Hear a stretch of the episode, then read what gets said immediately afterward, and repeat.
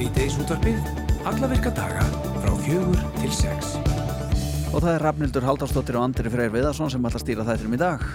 Við ætlum að kynna okkur aðeins betur skýslu vísendanemdar um lofslagsbreytingar eh, sem kynnt var á fjölmunum fundi í Grósku í morgun og eh, við ætlum að beina svolítið sjónum okkar að líðhelsu og eh, Gíja Gunnarsdóttir, hún er einn höfunda þessara skýslu. Hún ætlar að koma til okkar. Hún starfa sem verkefnustjóri á líðhelsu sviði embættis eh, landlagnis og eh, já, við ætlum til dæmis að tala um innfluttar skordýra tegundir sem að kannski ná eh, til Íslands með hlín, hlín, hennar hlínandi lofstæði. Já, já, já, já Eh. uh. við komumst ekki á því sko, eins og vorum nú káta fjalla hérna um aðmjörals fyririldið, Einmitt, einmitt. Nei, nei, þá kemur eitthvað svona líka svona leiðendapjasa sko. En við ætlum líka að heyra af nýri kynsluð viðskiptagreindar sem að gerir fyrirtæki möðuldra með að nýta sér eh, fjölmörg form gerfigreindar til að bæta sölu, rekstur og þjónustu.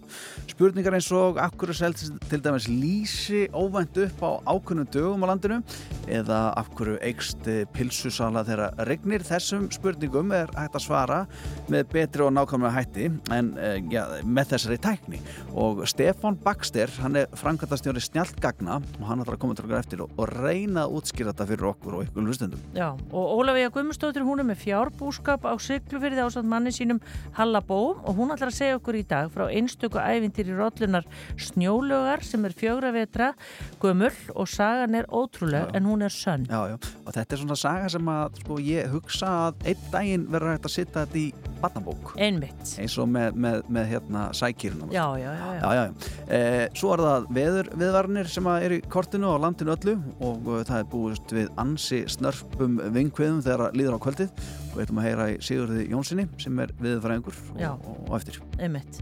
Og hvað gerist þegar tvær mjög ólíkar kynnslóður eru saminnaðar, flytja inn saman og þurfa að lifa lífinu í saminningu?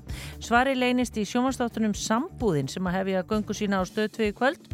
Lilja Katrín Gunnarsdóttir er um sína uh, kona þáttana. Hún ætlar að koma til okkar og segja okkur betur frá. Já. En eins og á miðugudum þá setjum við okkur í samband við okkar mann í Brussel sem er Björn Malmqvist og uh, hann er uh, hérna hjá okkur eða í Brussel öllu heldur, sæl og blessaður. Blessaður, sagði hæ Andri, hæ bæði. Hæ. Sko það voru hrikalegir atbyrði sem áttur í stað uh, í Brussel uh, já, á, á, á, já, bara fyrir ekki lengur síðan á í þessari viku. Segðu okkur aðeins frá. Það var bara í, já það var bara í uh, þegar að hérna uh, maður sem að er búsettur í bæ sem að, eða bæjar hverfi hérna í Brussel sem heitir Skarbekk uh, hann, hann var hérna niður í bæ eh, nálægt miðbænum og, og, og með byssu og, og skaut tvo svíja sem að, og særði þann þriðja mjög alvarlega sem að þeir voru stattir hérna komnir á, á, til að fylgjast með leik svíja og belga í Evropakefninni, það er því að sko landslis, þessi landsleik. Og, og þetta var bara, þetta gerist um klukkan hvað, sjö hérna að staðatíma uh, á Ípr uh, breyðstrætinu sem er svona liggur svona til hliðar við miðbæinn og yfir, yfir, yfir eitt af síkjum, síkjónum sem er hérna í Brussel. Og uh, já, þetta var bara, þetta var bara hræðilegur atbyrður hann, hann er síðan talinn hafa sko lagt leið sína í átt að leikvangnum Bóduan leikvangnum það sem, að, að leikurinn fór fram og það leiti til þess að, að sko þúsundir áhörðanda voru bara og leikmenn voru bara lokaðir inni á leikvanginum í nokkra klukkutíma. Leiknum, leikurinn semst hófst og honum var síðan frestað í hálfleik og, og hérna fólki var síðan flutt í burtu sko einhverjum klukkutímum síðar eftir að svona, eftir að lögregla þótti það óhætt að hérna að hleypa fólki brott á brott. Hva- þetta, þetta vakti náttúrulega gríðarlega aðtekli hér. Já, já. Hvað gerir svo Björn, uh, þú ert náttúrulega á staðnum, hvernig uh, eru viðbröðin þegar, þegar svona atbyrður á sér stað? Já, sko, til að byrja með þá var náttúrulega svona þetta hættustið sem að öryggisstofnarnir hér setja uh, út af ógnum var hækkað upp, í, upp á hæstastig, upp í fjóra og það hefur endar ekki verið gert síðan hriðiverkinu voru hérna 2015-16 hérna, á lestastöðunni í Malbek og, og flugvellinum. Uh, Það var hækkað í fjóra sérst í Brussel og þrjá annar staðar í Belgíu. Það var talsvert mikill viðbúnaður í bænum Sko, ég verður reyndar að segja það, ég tók, sko, ég fór þarna niður um kvöldið, var hérna í sjónvarpinu klukkan tíu, uh, sérst, heima í tíufréttum, þá var klukkan á minnætti hérna, sko, Ég fór hann niður að staðnum þar sem að árásinn átti sér staðan er á Ípr breyðstrætinu og það voru náttúrulega sko, alveg haugur á lauruglumunum þar og sem á náttúrulega týjir fjölmjölamanna. Þannig að það var kannski örugasti staðurinn í Brussel til að vera á nákvæmlega á þeim tíma. En uh, sko ég verði hins vegar að segja það, ég varð ekki neitt rosalega mikið var við sko þú veist, lauruglu á gödum úti, ég tók sko lestinanir í bæ og lappaði í tímiti korter til að komast ángað. Ég var ekki mjög varfið sko, þú veist, lauruglumenn á gangi eða þyrlusveimandi yfir mér, það voru ekkir hermenn. En hins vegar þá verður líka að segja sko að, að lauruglu aðgerðarnar þær beintust ekkert endilega að miðbænum, en það var talið að maðurinn hefði farið sko í áttina þessum leikvang og svo voru líka viðamiklar aðgerðir sko í Skarbekk hverfinu þar sem að hann átti heima.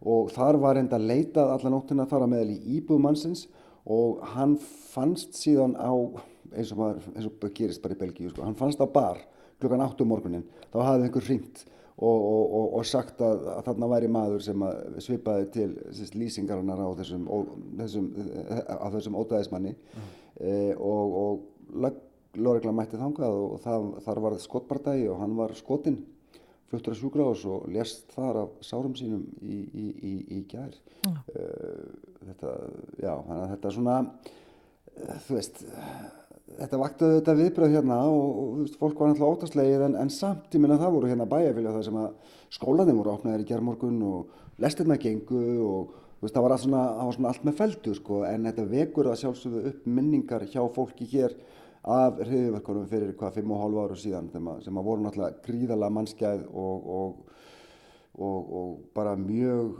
erfið fyrir Íbúa, Brussel og uh, Belgíu. Ég, ég fór hérna í sumar á minningarættum um, um þessi hriðiverk og hún var gríðalega vel sótt og ofsala mjög svona, fekk mjög mikla dekkun í fjölmjölum. Um, í dag var síðan fórsettisáþara Svíþjóðar, hann var hér, uh, kom fram á minningarættum í Sænsku kirkjunni í Brussel sem er endar bara Hinnum með við Sankvandi Neðgarðin sem ég býði hliðin á og hef nú sagt okkur frástundum. Uh, hann var þar með fórsettisáþra Belgíu og þeir tveir voru síðan á bladamannafundi í dag með frangvátastjóra fórsetti frangvátastjórnar Európa-sambandsins Úrsula Fótnir Lægin þar sem að einmitt umræðan beindist að sko hertum reglum um, um að geta flutt fólk úr landi sem að hefur verið sinjað um, um hælisvist vegna, vegna sérst hælis umsókna það kom í ljósa þessi maður sko sóttu um slíka vist árið 2019 og var hafnað og það, var búin að fá brottvísun en hann var ennþá hér og þannig að það er svona eitt af því sem að kom út úr þessu að voru svona auknar kröfur um að herða reglur hvað þetta var þar uh, og ég meina hér eru náttúrulega mjög margir hælisleitendur og, og, og mjög margir sem hafa verið neitað um hælisvist og þannig að það er svona þetta er, þetta er svona omgáðandi sko vandamál sem að, sem að fer ekkert í börstu og, minn, og minnir á sig með þessum náttúrulega hræðilega hætti í, í fyrrakvöld En hvað með svona aðgengi að, að byssum til dæmis? Já, nú kemur kannski svolítið að tóman konu hjá mér hvað var það aðgengi að byssum í Belgíu. Ég er ekki, ekki vel skólaður í þeim efnum.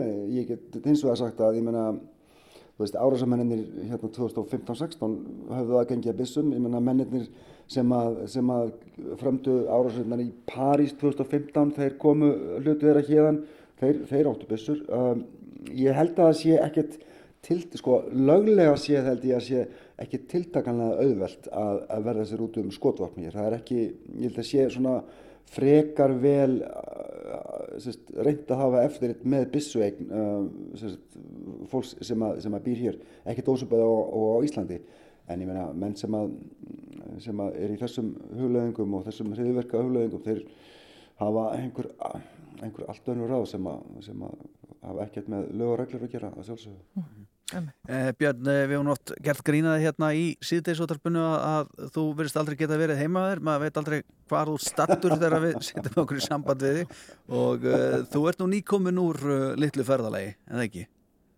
Jó, ég fer stundum á stúfana svona til þess að abla efnis og já, bara líka til að kynast Belgíu, ég, ég var hérna í, ég var í fyrir nokkrum mánuðum síðan fór ég í lítinn bæ sem heitir Dinant sem er, sem er þetta frægastu fyrir það að þar var saxofónin fundin upp. Já. það er mjög fallegu bær sem ég mæli með að, að, að fólk heimsækja það að kemur til, uh, til, til Belgíu.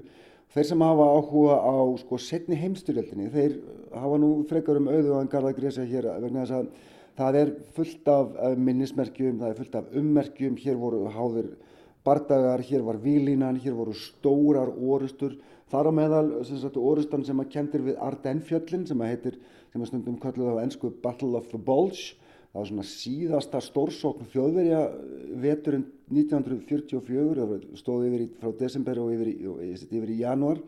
Uh, ég fórsæst í gær í lítinn bæ sem heitir Bastogne eða Bastón í suð, uh, suðaustur hluta Belgíu nálagt landamærunum af Luxemburg og Þískalandi.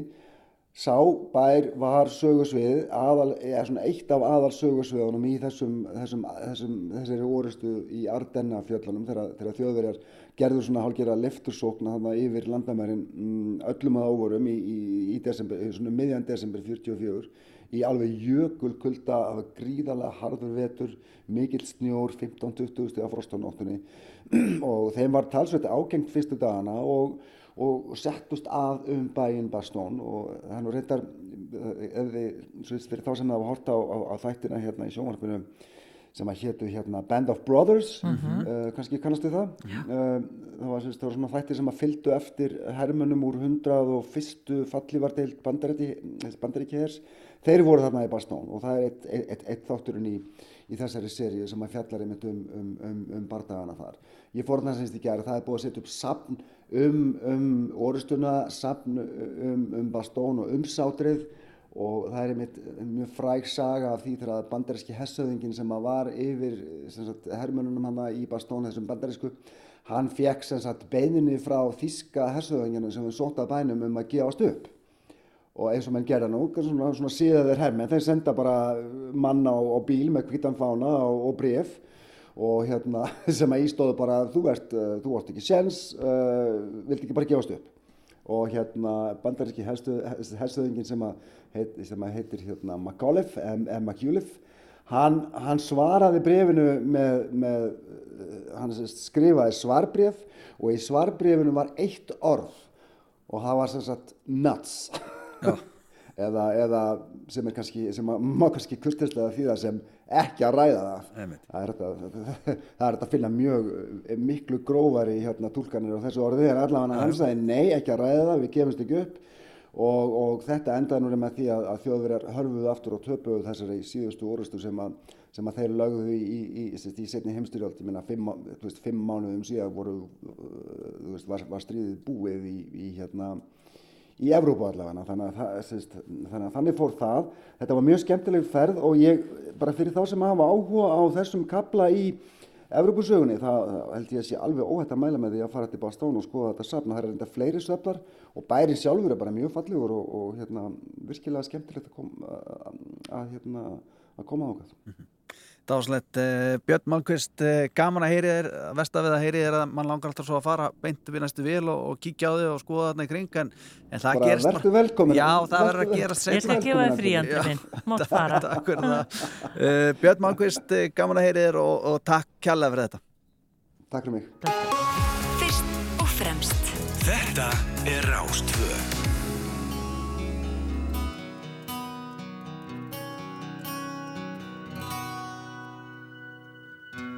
Myrkrið fer hverfur úr huga mér. Þegar þú brosir blít til mín Ég dag hvert vel hjá þér. Í ímyndum ég ávalt sé Það er þú sem mig dreymir um. Ég þig elska vil og þrá Því mig dreymir allt um þig þína ást og mig. Dreymir öll mín tán yfir vanga þinn og mig. Dreymir bara þig.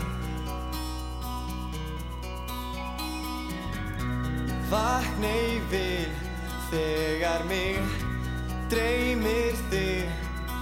Ég vil sjá, ég vil horfa á þig.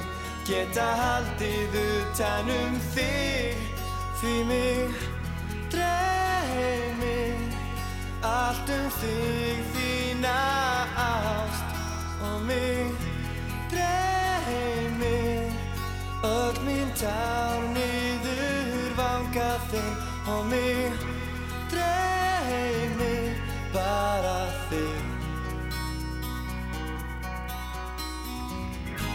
Ég vil finna allt betur en nú.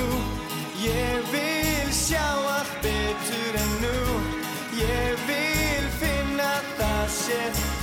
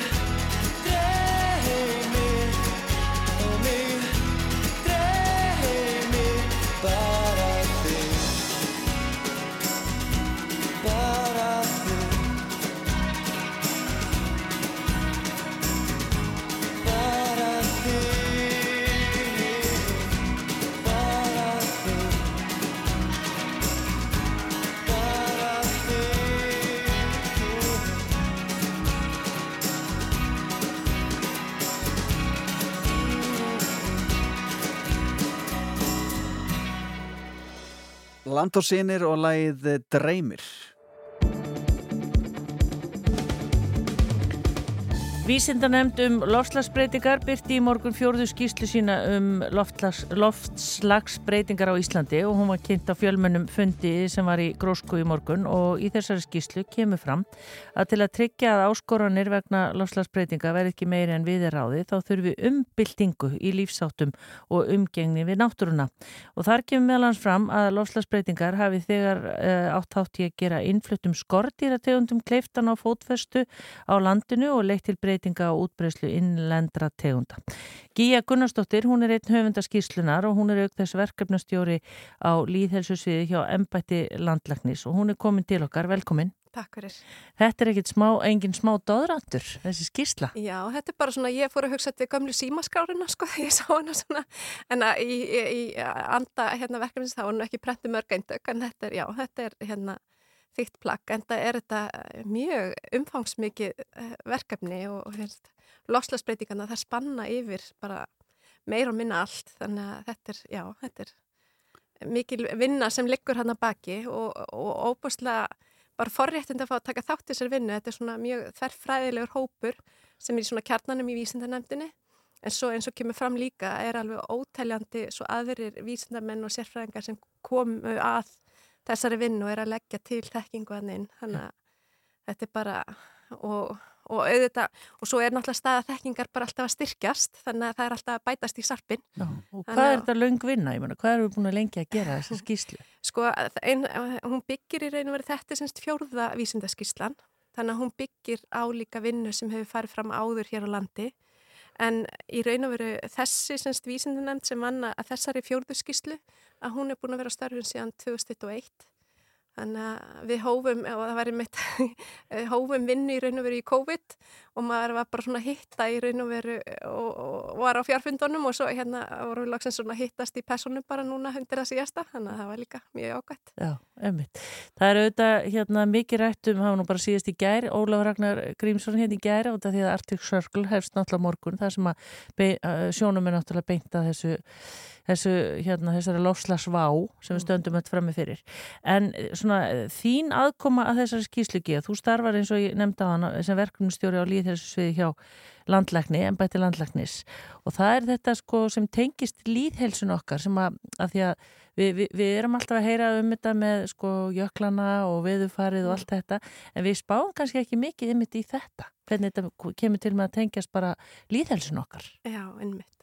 Þetta er bara, og, og svo ég kannski fara með þessa möndru sko að hilsa er allt í senn andleg, líkamleg og félagsleg líðan fólks. Þannig að ef við spáum í það þá er meira og minna allt undir og þegar við skoðum sko, hvað þættir hafa áhrif á heilsu þá er það meir og minna allt í okkar nánasta umhverju aðstæðum félags og efnæðslegi þáttir uh, félags og efnæðslegi þættir uh, menningal, menning og, og hérna náttúrulegt og byggt umhverfi.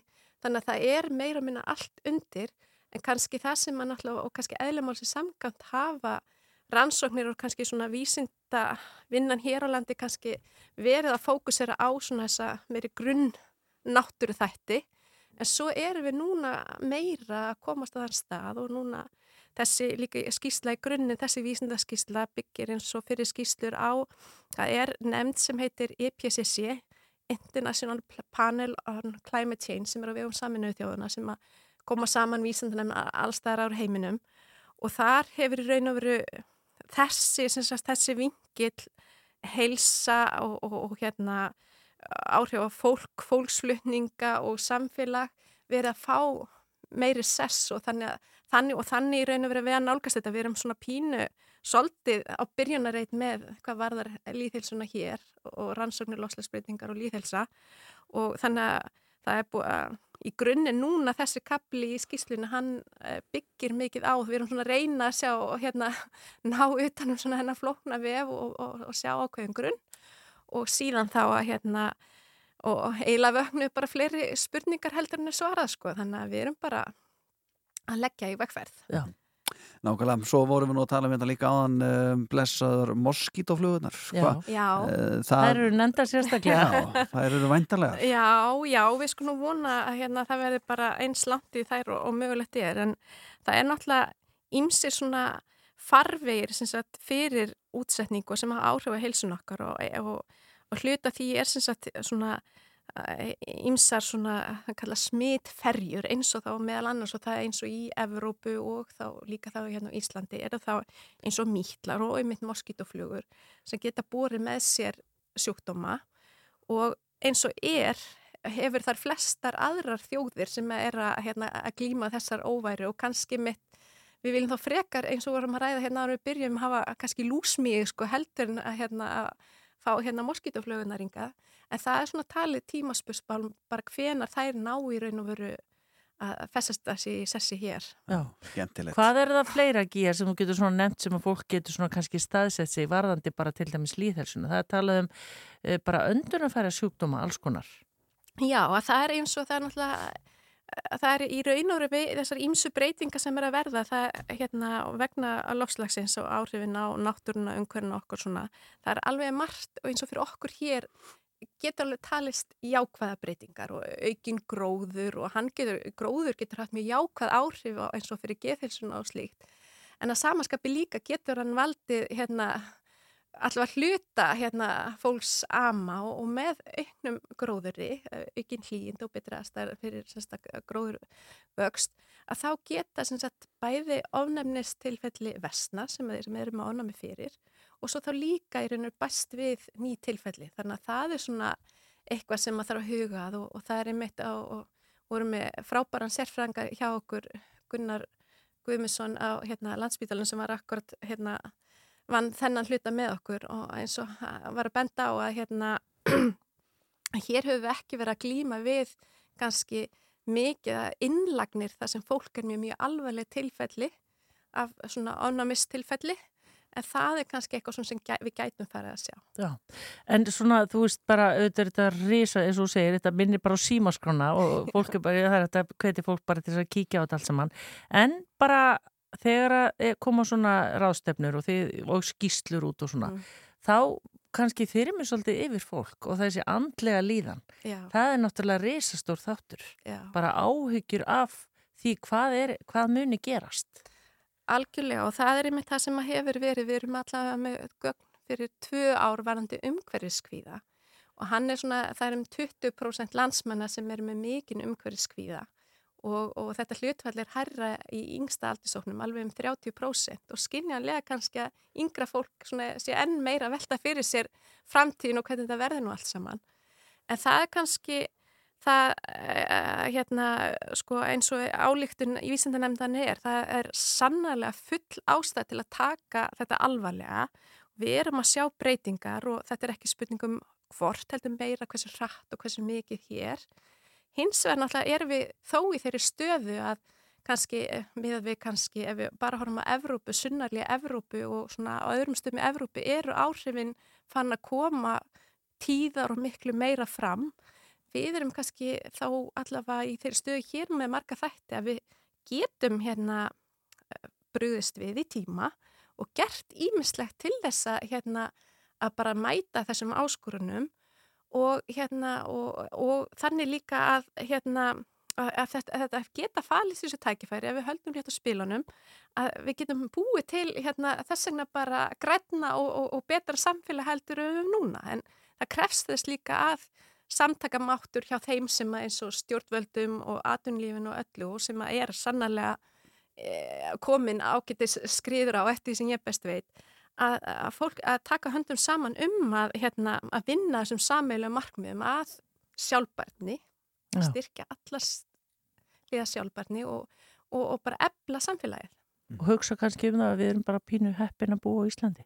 Já, ég held að, hérna, ég held að hérna, þráttur hérna, þessi alltaf eftir að finna eitthvað, þá held ég einmitt að það hefur sínt sig að, hérna, að við getum bara verið mjög þakklátt fyrir ímislegt hér og, og hérna, en og, og stöndum vel af í og erum í grunninn með óbúslega sterkan og góðan grunn. Það síndi sig meðal annars í COVID-19 faraldunum þegar koma svona stóra samfélags áskorni. Við getum alveg staðist þær en hérna, en, og, og við þurfum að bara byggja áfram á því og halda áfram og, og sannlega taka, við þurfum að taka þetta alvarlega en líka að, að það er engin hérna ástæða til um þetta hérna að, og eins og fyrir almenning og skiljanlega er þetta eins og segir svolítið yfir þyrmandi og hérna og hérna og auðvelt að kannski sjá fyrir sig bara hvað hérna hvað verður. En ég, ég held það er líka alveg full ástæða til bjassinu og það eru eins og við komum fram ímist tækifæri í þessu sem fyrir okkur hér að kannski bara eitthvað hérna í framtíðin kannski aðeins einhverju hlýri dagar og meiri gróður og, og hérna og svona ímislegt sem getur líka gert líf okkar betra. Mm. Þannig að það á ennþá við að Ísland er enn best í heimi. Já, ég hef ekki að segja það bara. Jú, það er þannig. Já. þannig. En endilega kynni skýsluna og þetta er ótrúlega áhugavert efni sem þarna er. En Gíja Gunnarsdóttir, eh, einn höfundaskýslunar og verkefnastjóra á Líðhelsusviði hjá Embætti Landlagnis. Takk kærlega fyrir komuna. Takk fyrir mig.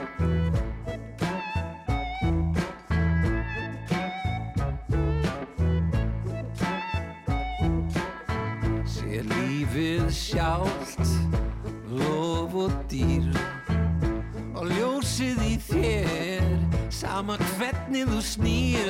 Allam alla ammum ammamú já haldt á kett og syngjandi kú. Hver stund er svo tæ æ fersk og ný. Svo langt sem það nær Bingo lotteri Hopp, hopp, hopp, hopp, hopp, hopp,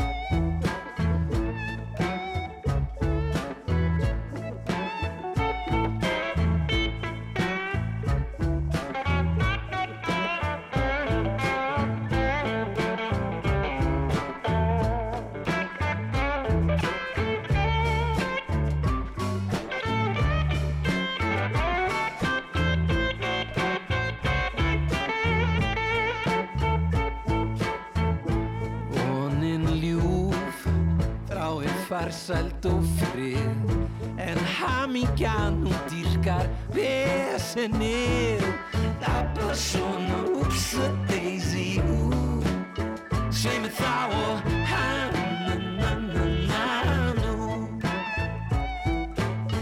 Ég trú á ástina hún bjargi mér eins og snáka oljur og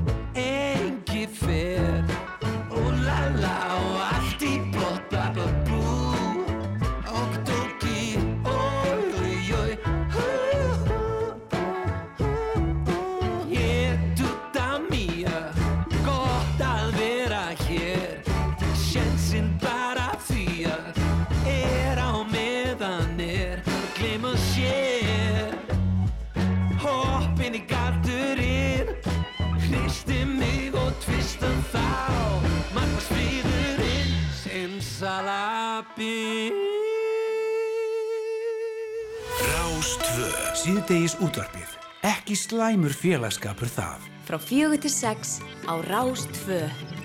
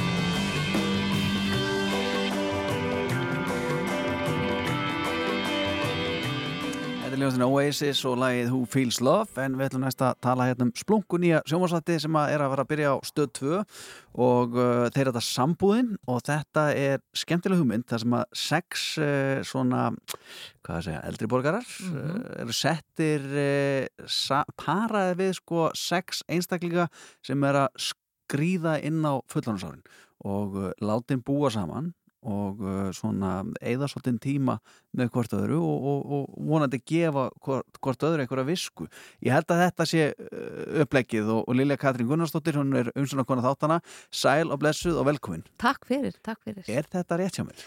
Þetta er bara nokkuð vel gert sko, mér finnst fyndið að segja látin búa saman út af þau heldur sem að þau, þau bara læst inni. Já.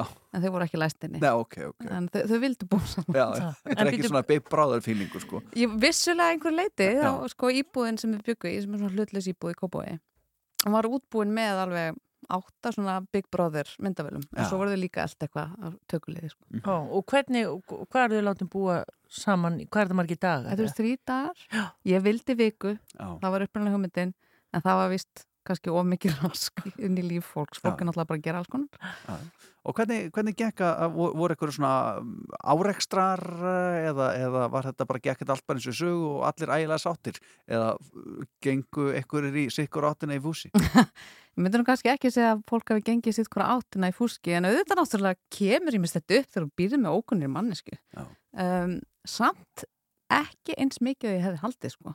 Fólk var frekar opið, bæði e, unga fólkið og eldri mannskið. Það voru svona frekar opnar fyrir því að taka þátt í þessu og einhvern veginn opinn fyrir því að prófa okkar nýtt og láta leiða sér bara í alls konar vittlesu. Sko. En var þeim þá bara, voru þeim með handrit? Hvað þau ætti að gera á daginn eða hvernig? Já, máli var að uh, við völdum þáttakandur og fengum svona þess að kynnast þáttakandunum svona áður en við byrjum að para saman uh, og fengum svo hugmyndir frá þeim hvað þau myndi vilja sína bara svona til þess að gefa svona einhverja mynd af sín lífi og sínum áhugamálum. Og svo settum við það upp og jú, hver dag var svona ákveð, það var stíft program og uh, þetta voru sérst þrjú dagar þannig að önnur manneskjan fekk fyrsta daginn svona fekk að ráða svolítið og, og svo skiptust þá á öðrum degi og þriði dagun var smá svona bara bland búka uh -huh. uh -huh. og ég menn en, en á kvöldin fóruðu þessu bara busta tenninu allir við hlið? Já, og... ég bara fór að velja sér eitthvað að hóra í sjónvarpinu og spjalla og spila fundi bara upp á alls konar líka sjálf sko, við vorum ekkert að leikstira hérna með harðri hendi allan daginn, alls ekki það var mjög svona stór partur af þessum dögum þar sem við skiptum okkur ekkert sérstaklega mikið af sko. mm.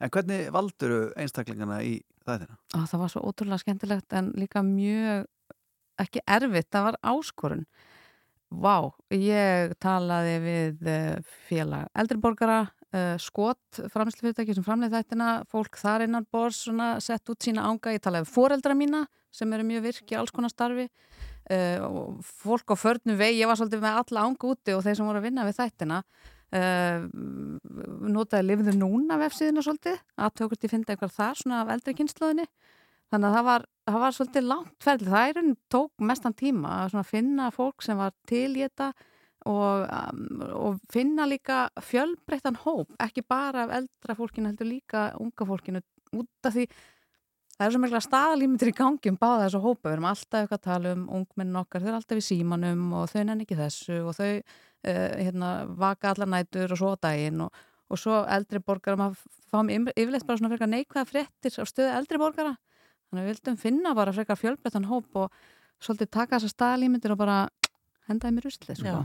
Er ekki rétt hjá okkur að þættin þið fara í loftið í kvöld? Jú, mikið já, rétt, klukka 19.10 Akkurat, svona hvað svona þín ósk um að áhórandi taki með sér eftir að hafa hort án og þátt, hvað hva, hva eigum við að læra þess? Vá, þetta er mjög djúb spurning. Já, takk Þetta er rosalegt ástriðverkefni sko, alveg bara þessi hugmynd fættist fyrir næstu áratug og ég held bara einhvern veginn að allir myndi hoppa á þetta strax og þetta er bara veruleika sko áður en ég myndi að þetta í hugun ánast og svo var þetta svona aðeins lengri fæðing.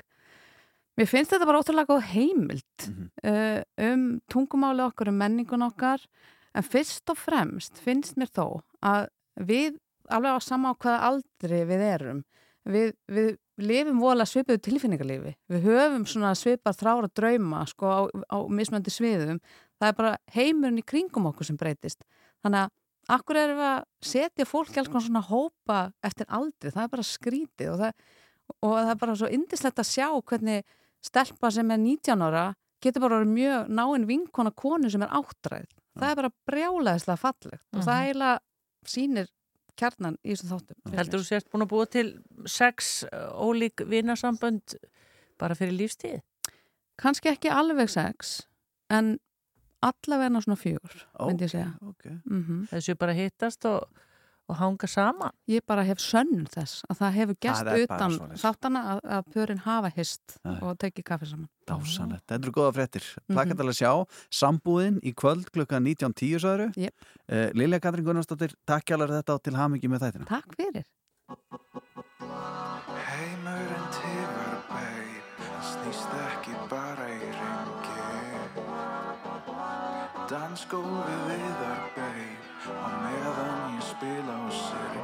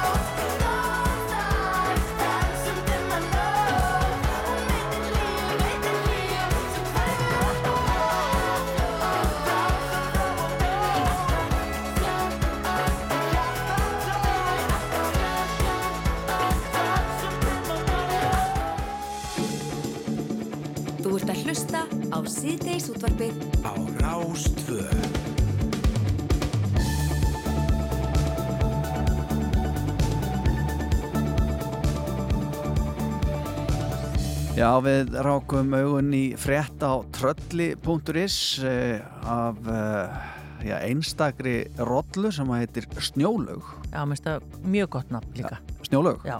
mjög flott, mjög flott. Og uh, svo sem á þessa kind er Ólafja Guðmundsdóttir og hún á manni sinum Hallabó þarna erum við að tala um einstakar sögu, mikið æventýri, leit illa út á tíma en síðan kom hún Snjólaug bara aftan á öllum og, og, og kom bara fólki óvart og Ólafja er á línunni sæl og blessuð. Góðan daginn. Góðan daginn. Segð þú okkur nú söguna af henni Snjólaug. Við ætlum að halla okkur aftur bara að hlusta. Já, það ekki. Jú. Herðu, hún, eh, hún skauta um svona reyð fyrir rassatna gangnamennum aðeins. Það var farið 23. held ég að við verið og hún stakk af Já. með landið. Þeir tóku eftir, hún væri með lítið land. Það var þá bara þryggja daga gamal cirka. Já. Nefna að svo náttúrulega eh, fannst þeim leiðilegt náttúrulega skilja eftir hana með lampið og það voru reynda nokkar þarna í viðbót og það var ákveð að fara núna bara síðustu helgi að reyna að frista þess að ná restinni sem var þar.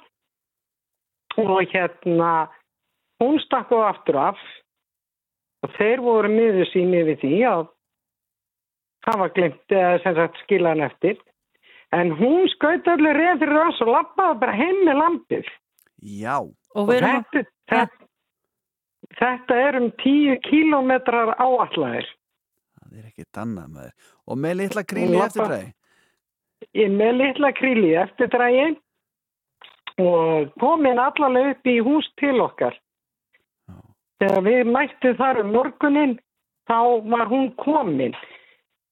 Og það kom einn í húsið til okkar um kvöldið, á sunnudagskvöldið og það sagði okkur frá því að hann hefði nú verið að rúnta þarna og fundist einhver skríti fyrir fram að bílið sinn, var með háljósin, lækkaði það, sér það að þar er rolla að lappa og er alltaf að íta einhver og undan sér. Svo hann fór nú að fylgjast með og sér það og hún er með lamp og ítir því alveg upp á húsunum. Þannig hann lokaði bara hliðin og vonaðist eftir að þetta yrði bara allt í lægi með hana. Já. Þannig hún er sko búin að koma öllum óvart. Já, því manni dettur í hug svona, sko, auðvitað vitum við að lömpin standa á fætu bara nánast rétt eftir að þau hérna, líta dagsins ljós, en, en að geta lappað svona langt, það er alveg magnað. Það, það finnst mér og þetta er ekkert neitt auðveld leið sem að hún er að fara. Hún þarf að fara með hana í gegnum skriður og þeir eru nú ekkert, gangnamenn eru nú ekkert íkja hryfnir af því. Og sérstaklega, það var snjór yfir allt. Þannig ótrúlegt að hún skildi fóta sér bara með. Já, já.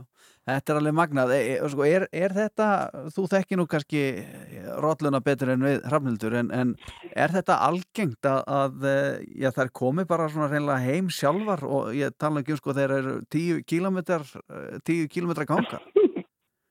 Nei, það er ekki vanalegt, en við erum með tvær sem gera þetta. Já. Það er ein önnur sem að, hérna, við erum með og hún hefur bara byrstu húsið með lampið sitt. Já. Og hvað heitir Þegar hún? búið er að ganga. Hvað heitir hún? Ég, ég er ekki kláraði hvað hún heitir. Nei, nei. En Ólafía, þið eru bara svona góðir heitir? húsbændur, það annars kæmið þar ekki aftur tilbaka. Já, ég segi það séu bara að fá allt og mikið bröðgrín. Nei, nei. En, en hvað? Já, það er vel gælt við þar, ég get alveg sagt þið það. Já. Og hvað á svo? Og herðu, hún heitir Hulda. Hún heitir Hulda. Frábært. Hinn. Já, já, já. já. Þannig að Hulda og Snjólög, þetta eru upp á þessu rollunar á bænum vendalega. En, en hvað? Já, ég sagði þetta alltaf rækta þetta. Já, já, já, já. En hva, hvað á svo að gera við e, lampið? Verður ekki svolítið erfitt að henda því í sláturhúsið? Það fer ekki tangað. Nei. Það er alltaf lítið, það fer að lifa. Já, já, já. Hún, hún, þetta lamp er ótrúlegt. Það er í, við fer í garðan hjá okkur, tegir sér svona upp fyrir. Við erum með svona frekar lítið lamp í húsinu sem að, eh, var hérna eiginlega móðulöst. Mm. Þannig að eh, það var búið til svona smá pallur og lampi stýgur upp á hana pall til þess að fá að borða. Já. Já, hérna. Þetta er Það er sjálfsbjörgar viðleitnin hérna. Já. Mjög svo, mjög svo. Og sko núna, sko, En það er, ga hvað séru? en, en það er gaman að fylgjast með lampinu. Já, einmitt. Sko núna, uh, ég geti mér ímyndar að segja það að, að snjólega og hulda sé að stjana við eh, litla, litla lampið og, og, og þær eru að spjalla saman eitthvað. Mhm. Og, en hvað á lampið að heita? Ég var nú að grínast með hún að þetta heita Nesa bara. Já, En ég var eftir að finna klottnafn það. já. Já. Hvernig er það á litin? Ég ætla að eiga þessa. Herðu, það er svona móbrún. Grátt, segir hann. Sko, aðstofa maðurinn Er hana. þetta- er þetta Halli sem er að rífa sig að það fyrir aftan?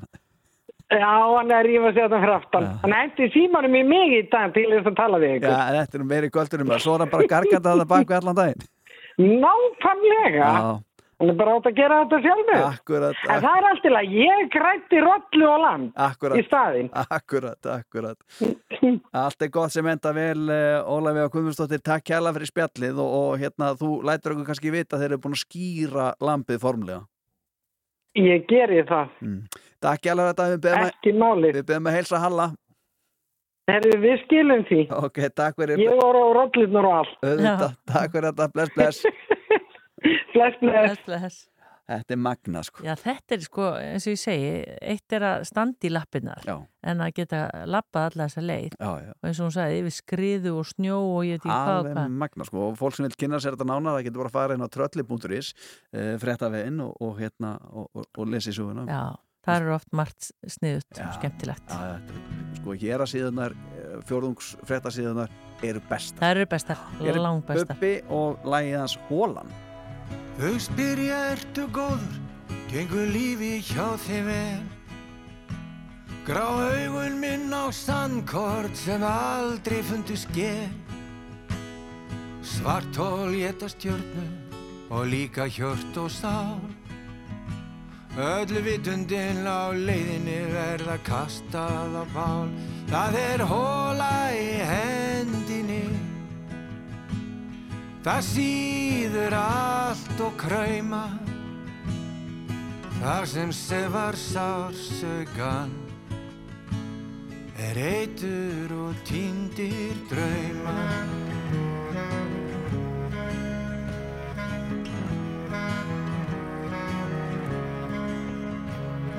Stundum komu tímar sem tegðu sig vorið En fljótlega á líflínuna var skorið. Sekundur litu hann og líin til bæna. Hann byrjaði á ættingin síðan aðra að ræna. Það er gött á æðinni. Það síður allt og krauma. Það sem sefa sársökan er eitur og svartir draumar.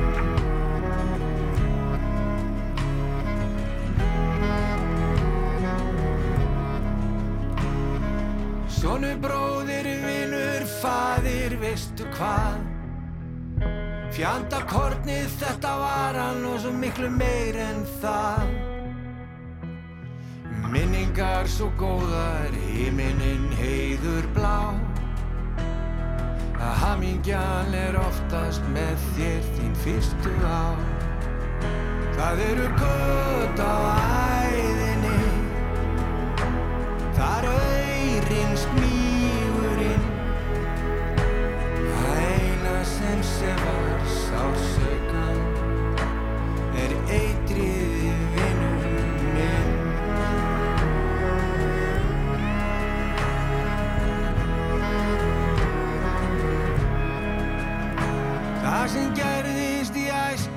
sagði ekki sálu frá.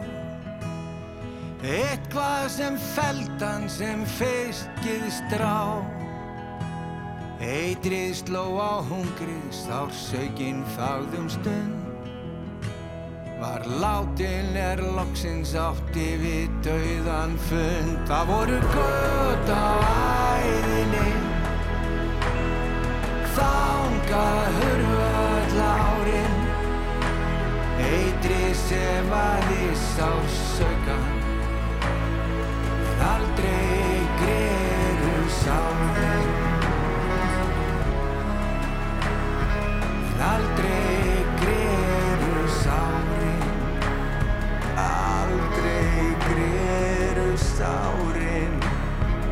Aldrei greru sárin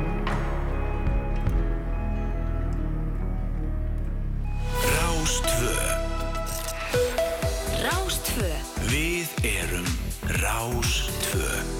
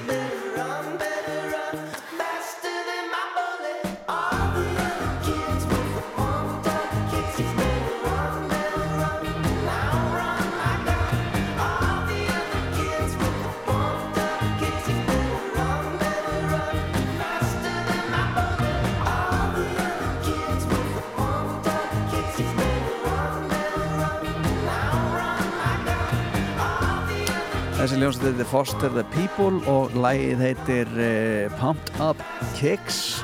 En við ætlum að fara að ræða næst hérna um uh, svona, mm, já, uh, gerfigreindina Já, höldum áfram með það, við erum eiginlega búin að tala um á hverjum degi Það núna er þessa viku. það er ekkert skrítið. Þetta er að gera svona tröllrið öllum Ég veit það. En þetta er sem sagt ný kynnslóð viðskipta greindar og þetta er hérna eitthvað sem á að gera fyrirtækjum auðveldara með að nýta sér fjölmörg form gerfi greindar til að bæta sölu, rekstur og þjónustu og uh, við fengum svona tips, þú veist, ákveður selst lýsið til dæmis óvænt upp á ákveðnum dögum út á landi eða ekst pilsusala þeirra rignir. Mhm. Ég meina, hver getur vita þetta? Já, ég reyndar er, ég get nú leirið þetta, ég held að hún gera það ekki sko. Þú heldur hún geri það ekki? Fátt verið en að borða pils út í rigningu sko. Brauðin alltaf sígur í sig drópana og svona, þetta er alveg handónið sko. En Stefán Baxter, hann er frangatastjóri Snjall Gagna og hann er hinga komin og hann er einn af þeim sem ber ábyrð á þessu, hérna, þessari snildi eða hvað? Já, og, og þakka ykkur fyrir að fara með þetta strax á mannlega þáttinn og pulsunar Já, já. sem betur fyrir geta allir samsvara sem með því af því að við erum að fara að tala um hérna, gerfigreindin og tekni og viðskiptagreind og ég er alveg viss um það að það er engir að núti sem er bara yes, viðskiptagreind, tölum aðeins meira um það. En, hérna, en, en við skulum bara leggjum okkur all fram. E, þannig er að e, byrjum bara á svona litlum dæmum. E, gerfigreind eru margir hlutir. Eitt form gerfigreindar eru spálíkun sem spá til dæmis fyrir um sölu. E, það þekki allir dæmið um Dominos sem þurft að loka um dagina því að þeir fóru í ákveða átak og það bara seldist allt upp. Einmitt. þetta gerist á rosa mörgum stöðum. Það eru held ég ofsalega margir sem hafa farið til að eiga á íþróttamót með krakkana sína og komist að því að bara daginn sem íþróttamóti byrjaði þá var allt grillkjöt uppselt. Eins og bara enginn hefði séð það fyrir að eigin væri að fyllast af fólki það væri gott veður og fólk myndi vilja grilla skiljiði, mm Mhm. þannig er tapað sölutækifæri ekki endilega að því að starfsmenn, sami starfsmæðurinn er að klikka á þessu mörgari röð heldur, það er kannski bara starfsmannavelta skiljum við, þetta gleymist, þetta er færanlegt þetta var ekki á þessum degi í fyrra eða skiljiði mig? Og e, það að búa yfir nægilegri viðskiptagreind til að eiga vöruna sem eftirspurnin er eftir eiga ekki á mikið af henni til þess að þurfa ekki að hendinni það er til dæmis einn hlýðarsaga það er hvítur fiskur er líklega svo vara sem er hend mest af hlutvalslega í búðum. Selst ekki upp. Það þýðir að þegar þú kaupir hérna, ísu eða þosk að þá ertu í raun og veru ekki bara að borga fyrir fiskinn sem þú keftið þér heldur þú ert að borga fyrir alla fiskana sem var hend skiljið já. þannig að þetta, þetta snertir hérna, einstaklingana líka. Og þá fyr, er, er spurningin hvernig getum við séð svona hluti fyrir? Í gerfugreindir eins og ég sagði til spálíkun sem að spá fyrir um sölu nokkuð vel en hún þarf að vera rétt niður á daga, það er ekki rétt að það er ekki nóðu vitir hver salan verður í mánuðinum. Þú ert að vita hvað verður mikið að gera á morgun til þess að geta mannað vaktina rétt til að geta átt rétt að lagarinn og flest fyrirtæki í, í svona þessari gömlu viðskiptakreind, ef við köllum hana það e, voru að horfa á sölun í fyrra, meðal sölu í, í, í þessu mánuði og svona, en það sem við erum að bæta við þarna er að taka besta spálíkan sem hægt er og bæta við henni upplýsingar um þú veist, er Eurovision sjónvarpinu, er Liverpool að keppa við United, hvernig er veðrið úti? Er risastort skemmtifæraskip í Ísafjörðatjúpi sem að ef þú rekur búði í að Ísafjörði eh, breytir bara öllu, því að það eik- eykst aðeins salan og, hérna og hluti sem við vitum fyrir víst er að, að farsimanetið verður of lélegt fyrir alla sem að eru í Ísafjörði þann dag, af því að það byrtist bara allt í einu, þú veist, 2-3 þúsund manns hérna aukalega, þú veist. Já. og ef það voru fullt af Japanum sem að elska íslenskt þoskalísi, þá seldist það líklega upp af því að þetta er ódýrasti staðar í heimi til að kaupa þoskalísi hérna, þú veist, til að svara þannig fyrir spurningunni þinni. En fyrir Þannig að ef ég er með, ef ég er með svona lítið rekstur Já. á Ísafið Mhm. og ég er með búð og- Ísbúð? Uh, nei, ég er ekki með ísbúð Ok. uh, Ég er bara með vennilega kjörbúð, bara litla kjörbúð bara kaupmárnhóttinu, ég er bara kaupmárnhóttinu Ég fæ mér gerfugrein til að starfa fyrir mig Mhm. og, og hérna sjá- Köllum hana Jón. Jón og hún er svona að hjálpa mér að sjá til þess að hlutinni séu til og svona og svo bara allt í hennu er á leiðinni skemmtifæraskip sko. Og það er eins og segir, það er leikur í gangi það er landsleikur, ég hef ekki hugmyndu ég, ég, ég, ég veit ekki það þessu. Ég veit ekki skipinu, ég veit ekki leiknum. Er hún þá bara, hei hérna, fylgdu nú að lagarinn hérna með, nú, nú, nú sko grillkjöti, það er leikur og svo er hérna fólk að koma, verður með lópavendlinga til, þeir var aldrei komið sér íslenski og öll, minnir hún mig á það eða hvað? Já, hún, hún getur gert það. Já. Bæði færðu sölusbá í, í, í okkar grunnu uppsetningu, þá færðu sölusbá næstu 14 dagana. Þannig að þú gætir, ef, ef þú nefndir að sinni þess aðeins betur, Já, já, þá hefur þú kíkt á sölusbána aðeins lengra fram í tíman og þá hefur þú sagt, herðu, á þessu tímabili hérna, þá er hérna, selt ekstra mikið af þessari vöru og það vill nú bara til að því að þú veist, hún passar í jólagrautin. Svo er að koma inn að skemmti vera skip, þannig að þú mátt hugsa um þessa hérna hluti líka. Mhm. Og það er einmitt þessi töfrar sem gerast þegar þessir ytri þættir fá að fylgja með við köllum þetta aðstæðu vitund það er að segja þegar gerfigreindin f- fær að vita af hlutunum sem er í gangi í umhverfinu og getur þá þjálfað upp spálíkan með ytir hlutunum að þá lærir hún einmitt að gera þetta miklu betur. Og við höfum tekið spálíkun sem eru hérna og ég ætla bara að byggja afsök, hérna, hlustendur afsökunar að vera að ræða eitthvað um spálíkun. En, en þú veist hérna en, en, svona söluspár við höfum tekið þær bestu sem hafa verið til í heiminum og bættar umtalsvert bara með því að bæta ytri þáttum við að skilja eftirspurnina skiljiði mig Já. og, og hérna hvaðan hún kemur. Hérna breytist hún þegar flensutímabilið er? E, breytist hún þegar það er almennt skólafrí?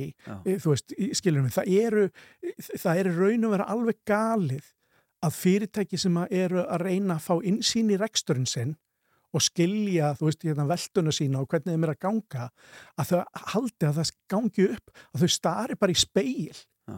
til að reyna að skilja hvað er í gangi inn í fyrirtækinu en opni ekki frekar gluggan og sjáu umhverfið og þættina sem er að, að hafa áhrif á reksturinn, hvort sem það er sala eða eitthvað annað. Þannig að þessi aðstæðvitun sem við erum að bæta við markvisli form gerfigreindar já, þú getur hugsað okkur við erum ekki stramt til teki gerfigreindar fyrirtæki heldur, við notum uh, það besta sem við finnum úr gerfugreind, bætum þessum, þessar aðstæðu vitund við og gerum fyrirtækjum það auðvelt að nota hana. Já. Þannig að já, ég ætla að lega mér að fullera Andri að, að hérna, litla kjörbúðin á hotninu á Mm. Já, já. hún, hún myndi ga- ganga miklu betur. Þú myndir mögulega selja meira Já. af því að þú ættir vöruna sem er eftirspurn eftir og svo myndir að hætta hendallum sem hvíta fisk. Akkurat, ég, einmitt, það er bara matta svona sko. En af því hún nefndir sko eins og þetta í Vestmanniðum, þetta er árlegt mót, sem bara höldum okkur aðeins við það. Mhm. Ég meina búðirnar þar vita það, það og við væntalega sko pantaðir inn á lagarinn og allt er til. Þannig að hva, hver er þá viðbótin við þetta? Já, býtu, nú, nú skulum við fyrst byrja að gefa okkur það þó við sem að nota vestmanni sem svona erum ekki- að þá er ekki alltaf allt í, hérna, í, í, í höngi vestmanni byrjum þar. E, en þú getur hugsað þetta svona. Fyrirtæki sem gerir endurtekin mistök á kannski einhverja vöru í fimm af sjö árum. þú veist, sem að íþróttamóti er haldið eða þú veist. E- er þó að fyrirtæki sé að gera endurtekin mistök þá er það ekki endilega starfsfólki á gólfinu sem á að sjá um sem er að gera endurtekin mistök. Af því að starfsmannavelta þá, við hana þá tapast svona innri þekking. Já. og þú þart ekki að vera annað en sko degi of sein að panta kjötið, veist ekki alveg hvort það selst upp, þú eru ekki alveg að panta max, skilur maður því að þú hefur ekki stuðning í gögnunum til að gera pantuninu þína, ert kannski að gera þetta fyrsta árið, eina sem ég veit er ef að þú værir þarna og gerði þessi mistök núna í sumar, já þú myndir ekki gera þau næsta sumar Nei. Fattu, fa- fattu. en það er þetta sem við erum að, að hérna, hjálpa til með í þessu tilfelli en það kemur líki ljós að þessi aðstæðuvitund þar að segja skilja umhverfið og geta tekið það með í reikningin er ekkit bara að bæta sölusbarlíkun þó við séum að nota það dæmi það kemur bara í ljós að með því að greina gögn í rauntíma þar að segja um leið og þau verða til en ekki greina, þú veist, reyna að gera þetta eftir á og að fá sem mest út úr gögnunum með góðri gerfigreind, notaðri rétt e, með þessum viðbótarupplýsingum er að skila margfalt betri árangri heldur en að horfa bara á innri gögn og greina þau of seint eins og nú týðkast á mjög mörgum stöðum með svona eldri kynnslóð viðskiptagreinda. Mm. En hvað þarf kaupmaðurinn að kunna? Þarf hann að vera rosa flinkur á tölvum og... Frábær spurning. E, sko, e, eitt af því sem við erum að gera er að nota þessi stóru hérna, mállíkun sem þegar við talað mjög mikið um til þess að vinna þekkingu úr texta. Það er að segja að þú getur lesið fréttir og, tekið, og, og skila þekkingu úr henni. Það sama er við að gera í, í mælaborðunum okkar sem þú munt geta talað við þannig að þú þarf bara að geta tjá þig mögulega ekki einu sinni með liklaborði en síðan það áhugaverði punkturinn, eins og ég kom inn á sögunars andra, er að hann á að geta búið sér til verkefni sem eru sett í gang við ákveðnar ytri aðstæður. Hérna fyrir ekki, ég ætla að gera þér upp smá hérna vannrækslu á, á Já, hérna já. lagarniðinu Ég leður þetta bara að þetta er ekki rétt sko Andri hefur nefnilega lent í því hérna tvísa sinnum á senastu fimm árum að það hafa komið rosa mikla rigningar Já. og þá hefur flætt inn á lagarinn hans Ó, minnst ekki það. Þetta var skelverið, ég man eftir hrikalegt. hérna komið blöðanum allt Já, já. Hérna, og hann getur þó bara með því að tala við tæknina að því við erum komið þangað eða sláða henni segja bara ef það er spáð mikil, mikill regningu þá vil ég fá áminningu á, um það að þrýfa niðurföllin kvöldið ári ég fyrir heim og þá er hann bara myndur á það og hann klikkar aldrei á þessu aftur. Eða hei, ef það er stórt íþróttamót mér er alveg, eða stórt mannamót hérna, mér er alveg sama hvaða mannamót það er og það er spágóðu veðri þá ætla ég 6 dögum eða 4 dögum fyrir að endur skoða kjötlægirstöðuna mína. Og þá ertu bara myndur á það. Og það er nákvæmlega svona sem að hinn fullkomna aðstofamaður á að hegða sér í viðskiptum Ég veist að ég er búin að eh, segja upp öllum mínu aðstofafólki en það bara meðan það er búin að vera spjalla. Nei, já sko, nú þurfum við aðeins að passa okkur vegna þess að það er líka hægt að nota þetta vittlust við leggjum mikla áherslu á það að við viljum gera starfsfólki eitt mikla betra í starfi. Já. og að því að þú ert farin að selja meira Mhm. reksturinn er betur og svona að þá líður öllum betur í vinn Akkurat, svo viljum maður ekki að fá slæmt umtalan og ísafyrir maður er bara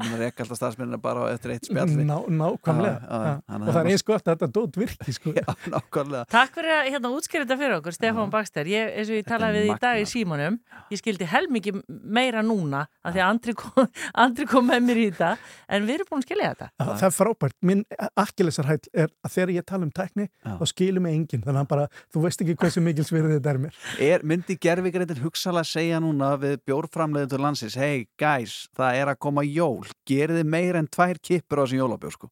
Já, Hann selst alltaf upp. Mögulega myndi það gera það ég, ég tel allar, allar líkur á því. Ég, þú veist, öll neysluvandamálin þín þau bara hverfa Þetta er dásamlegt. Þetta eru góða fréttir eh, Stefán Baxter, takk kjalla fyrir þetta eh, og eh, já, þetta er, er þetta eitthvað sem er á byrjunastíði, er þetta bara klárt? Eh, Við erum búin að vera að vinna þessu í þrjú og hálft ár, fengum styrk frá tæknithrónusjóði fyrir, eh, já, á þeim tímabúndi, Mhm. byrjuðum að bú til gagnaþjónustu, stuttasvarið svona, við erum búin að vera að vinna með nokkur velvaldum fyrirtækjum til þess að sanna að þetta virki, erum svona að byrja að láta bera á okkur, við erum búin að vera í felum, eh, eh, munum halda áfram að vinna með völdum fyrirtækjum, en ætlum síðan að fara hérna, að láta almennilega bera á okkur snemma næsta ári og svo náttúrulega er þetta bara eh, þetta s- klassíska heimsýr af ráði eða hóstakast. Við ætlum ekki að leggja lífið undir. Sko. Nei, nei, nei, nei, auðvitað ekki Stefán Baxter, framkvæmstjóri snjallgagna, takk kjalla fyrir þetta. Takk.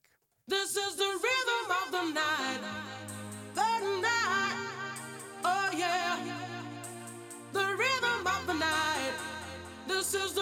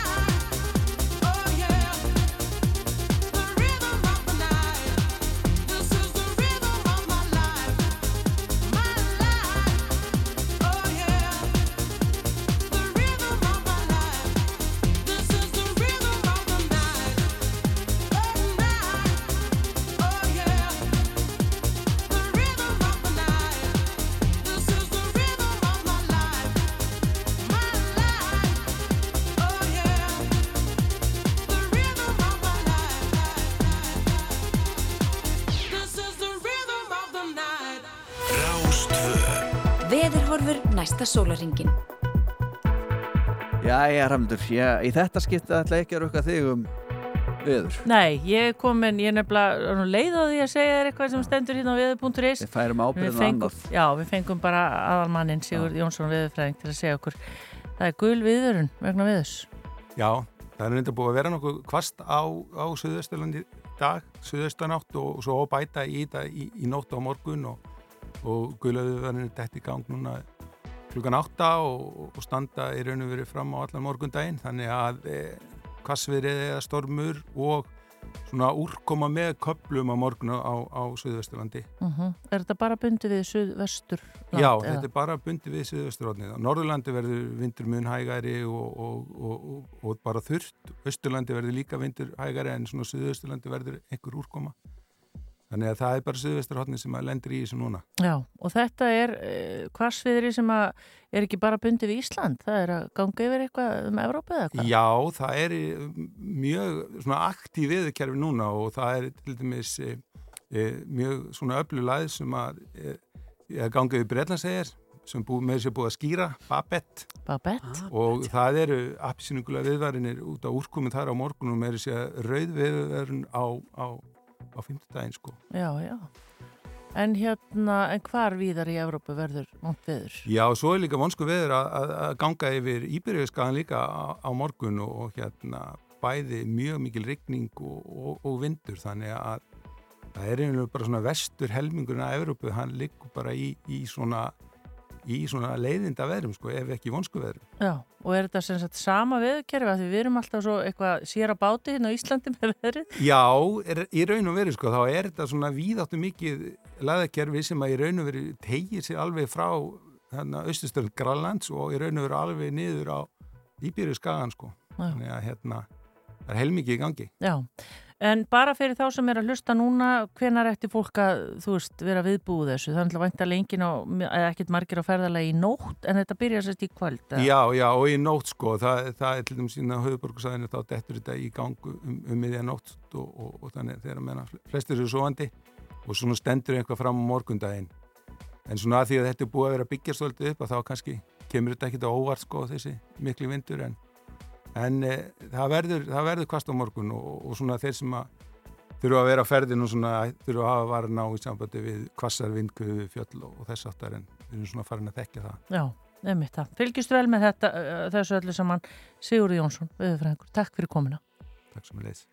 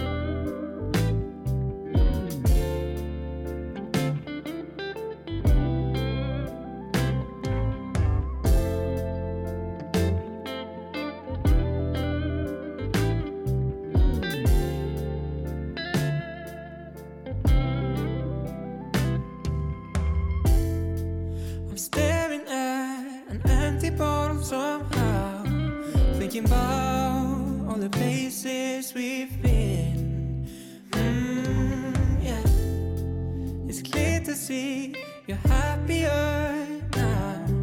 Ever since you got together with it. I just need to know.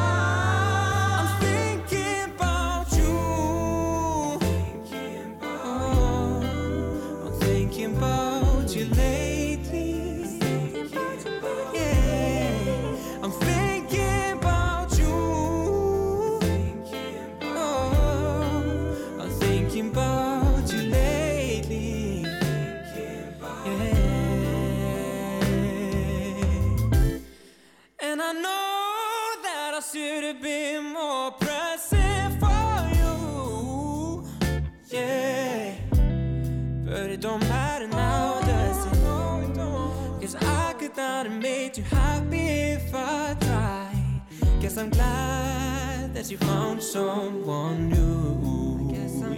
Cause I know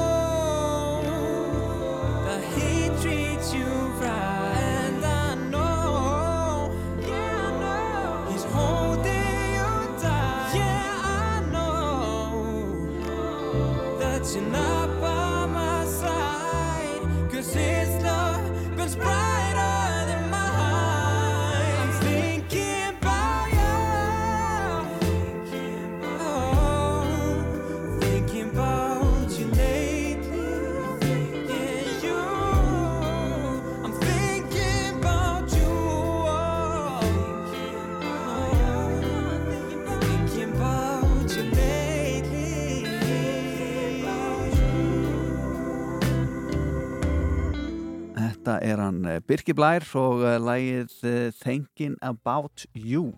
En það er nú gaman að segja frá því samlendur þið fórum nú að tala við hennar Lilju hérna um sjómasátt sem er að fara að byrja á stöð 2 í kvöld sem heitir Sambúðin. Og uh, það styttist nú í að fólk fara að hlamma sér fyrir framann sjónvarpið. Þá eru svona tveir svona Já, tvö fyrirbæri sem að eiga einhvers konar ammæli í dag sem að nú gaman að rifja upp og eitt þeirra er nú hugmynd sem að var gjössanlega galinn og þótti fárlega á sín tíma og var það svo sem en uh, fólk hafi mjög gaman að horfa á þátt sem að hóf göngu sína fyrir 20 árum síðan í dag, 23 árum síðan fyrir ekki árið 2000, þá fór fyrsti þátturinn af 70 mínútnum í, loftið Hvað segir mörg ár? Eh, 23 ár síðan. 23 ár. Það sem að fór í loftið á sjónvarstöðu sem hétt á Pop TV Einmitt. sem að uh, margt fólk á mínu reggi hafði uh, mallandi undir svona í bakgrunni þar sem voru bara sínt tónlistum umbyrna og svona og svo uh, byrjaði þátturinn og, og það var Simmi og Jói sem að byrjuði með þáttinn voru svona aðal þáttastjöndur og svo náttúrulega komum við þarna með þeim uh, Auðun Blöndal og, og Sveppi og, og hérna Hugi var þarna með ofurhuga og, og Pétur Jóhans lýsaðist líka þarna eitthvað inn og, og fleiri svona þekktir uh, hressir einstaklingar. Og gaman að svona renna þess yfir sko, ég er með smá svona yfirlit hérna á það sem að gekk á í þessum þáttum alltaf var fjöldin allra daskarlegum sem við vorum með eh, sem að það var alltaf var svakalega ítalegi, það var alltaf ógestrykkurinn og tilrönn og falið mynd að vala áskorun og fríka úti og, og hérna, ég veit ekki hvað og hvað. Eh, svo er ég líka með eh, það sem er svona falin var falin myndavel og þetta er svona eh, tekið svolítið svona ítalega hérna á þessari síðu sem ég er að góða þetta á. Og það er til dæmis þegar að hugi var látin þykjast vera frá vottum ég hófa Mm. var að banka á fólki og, og hérna gefa þeim alls konar drasl uh, svo var hérna ég pantaði ekki pítsu það sem að auði fóð með pítsur í hús þannig að fólk var ekkert að búa að panta pítsur sveppi er að sprauta á fólk sem að þvó bílinn sinn og það er að slettast allt yfir á næstu bíla og næsta fólk sko Ah. og alls konar svona vitlega sko. uh, svo er það sem að sko, er sko kannski svona rugglegast í þessu þegar maður er að skoða þetta það er þegar að var uh, áskorun og það sko þegar maður hugsa Ó, tilbaka ég fæ alveg, ég þarf að fara aðeins inn í Já, þetta- kragan og peysunum þetta er, þetta er, þetta er hérna ég veit ekki sko, ég sagði ég ætla að kíkja aðeins á þetta og þú sagði taktu svona það sem er ekki það alveg sem svona passar í síðdeis út af já, hérna er áskorun að sveppa sveppa pissa á sig. Wow. e, sveppi e, hlaupa allsber út í sundlög e, og nú eiga þeir sko börn já, já. sem eru það stálpuð og þau geta lesið þetta. Sveppi að fara í undirfött á mömmu auða hættu nú.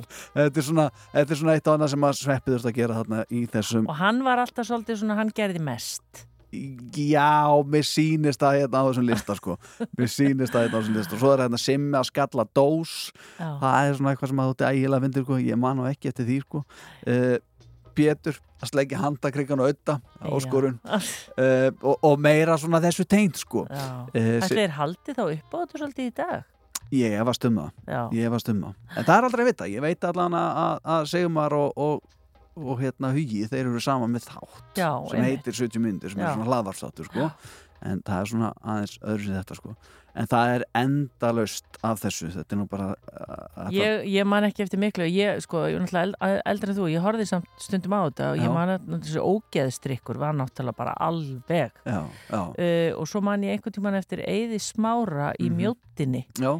Og það var falin myndavel Já, já, eða svona stjórnun eða eitthvað Já, já, já. Einmitt, einmitt. Svo er líka, þeir settu líka fjöldan allan á Íslandsmetum Já. það er nú gaman að rífa eitthvað að þeim upp sko, því að Mhm. uh, Simmi hérna, hann settur Íslandsmeti að snúa sér ringi í, í kringum flagstöng já, já, og uh, Jói hann setur Íslandsmeti í að setja ópal á andlit á sér hann setti 150 ópal á andlit á sér já, já. og uh, Jói setur líka annað, annað Íslandsmeti í, í, í, í hérna Eh, hvað, nei, ég ætla nú ekki að fara með Nei. þetta en Simmi hann hérna uh, setur Íslandsmeti að henda handbólta í auða skemmtilegt Íslandsmeti það og þetta er svona alls konar þvæli menn þessi menn þurftu náttúrulega að vera okkur um einasta degi með 70 minna þátt Já. sem þurftu að vera hlaðin alls konar uppákomin sko.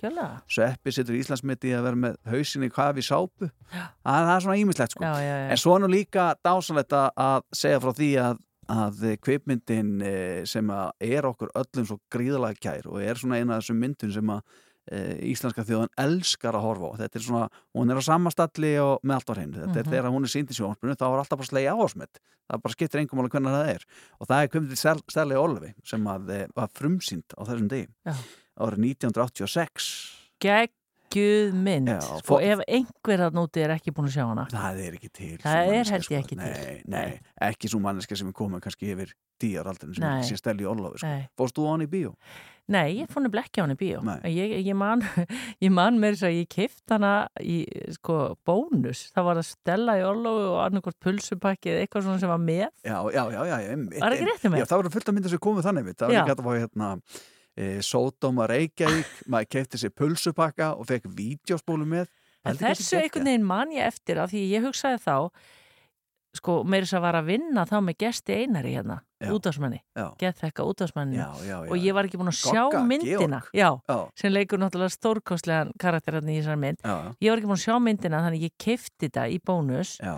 Og ég var, mér leiði svo vel eftir að það var svo astnalegt að vera bara ein af nokkrum sem var ekki búin að sjá hana þá. Já, já, já að ég hérna, skellt inn í tækið og meðan ég hittaði já, nei, maður ekki þetta því Og það er nú alltaf sjaldan minnst á það sko að leikstjóra myndarinn er Þóröldur Þólistóttir og, og svo sem skrifa handritið er Guðni Halldórsdóttir Já. og uh, við þökkum þeim bara kjallega fyrir. Þeirra innlegg Já. bara í kveimundasöguna og svo er þetta nú örugglega bara þeirra fyrst getur sem að Björgun Frans leikur í kveimund þar sem að uh, hann leikur þetta annan sveita krakkan í, í myndinni. En uh, við komumst nú ekki lengra hérna í síðdeisútvarpinu í dag. Það búið að vera dásanlega að vera með okkur Já, og við ætlum að enda þetta ekki á stelu auðvitað gerum oh. þetta Takk fyrir okkur. Njóti kvöldsins. Bless, bless. Þetta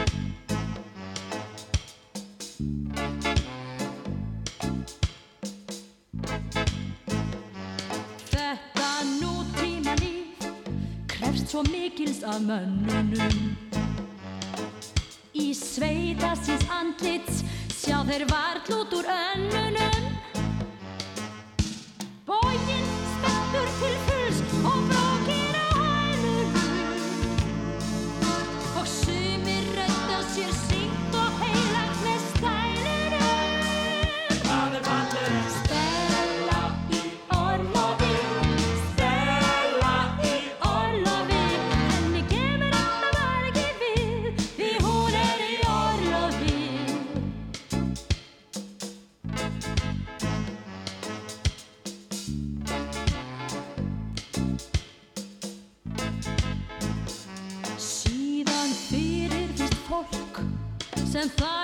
sálfræði. Bara skundar veit að augum gefur skít í öll vandræði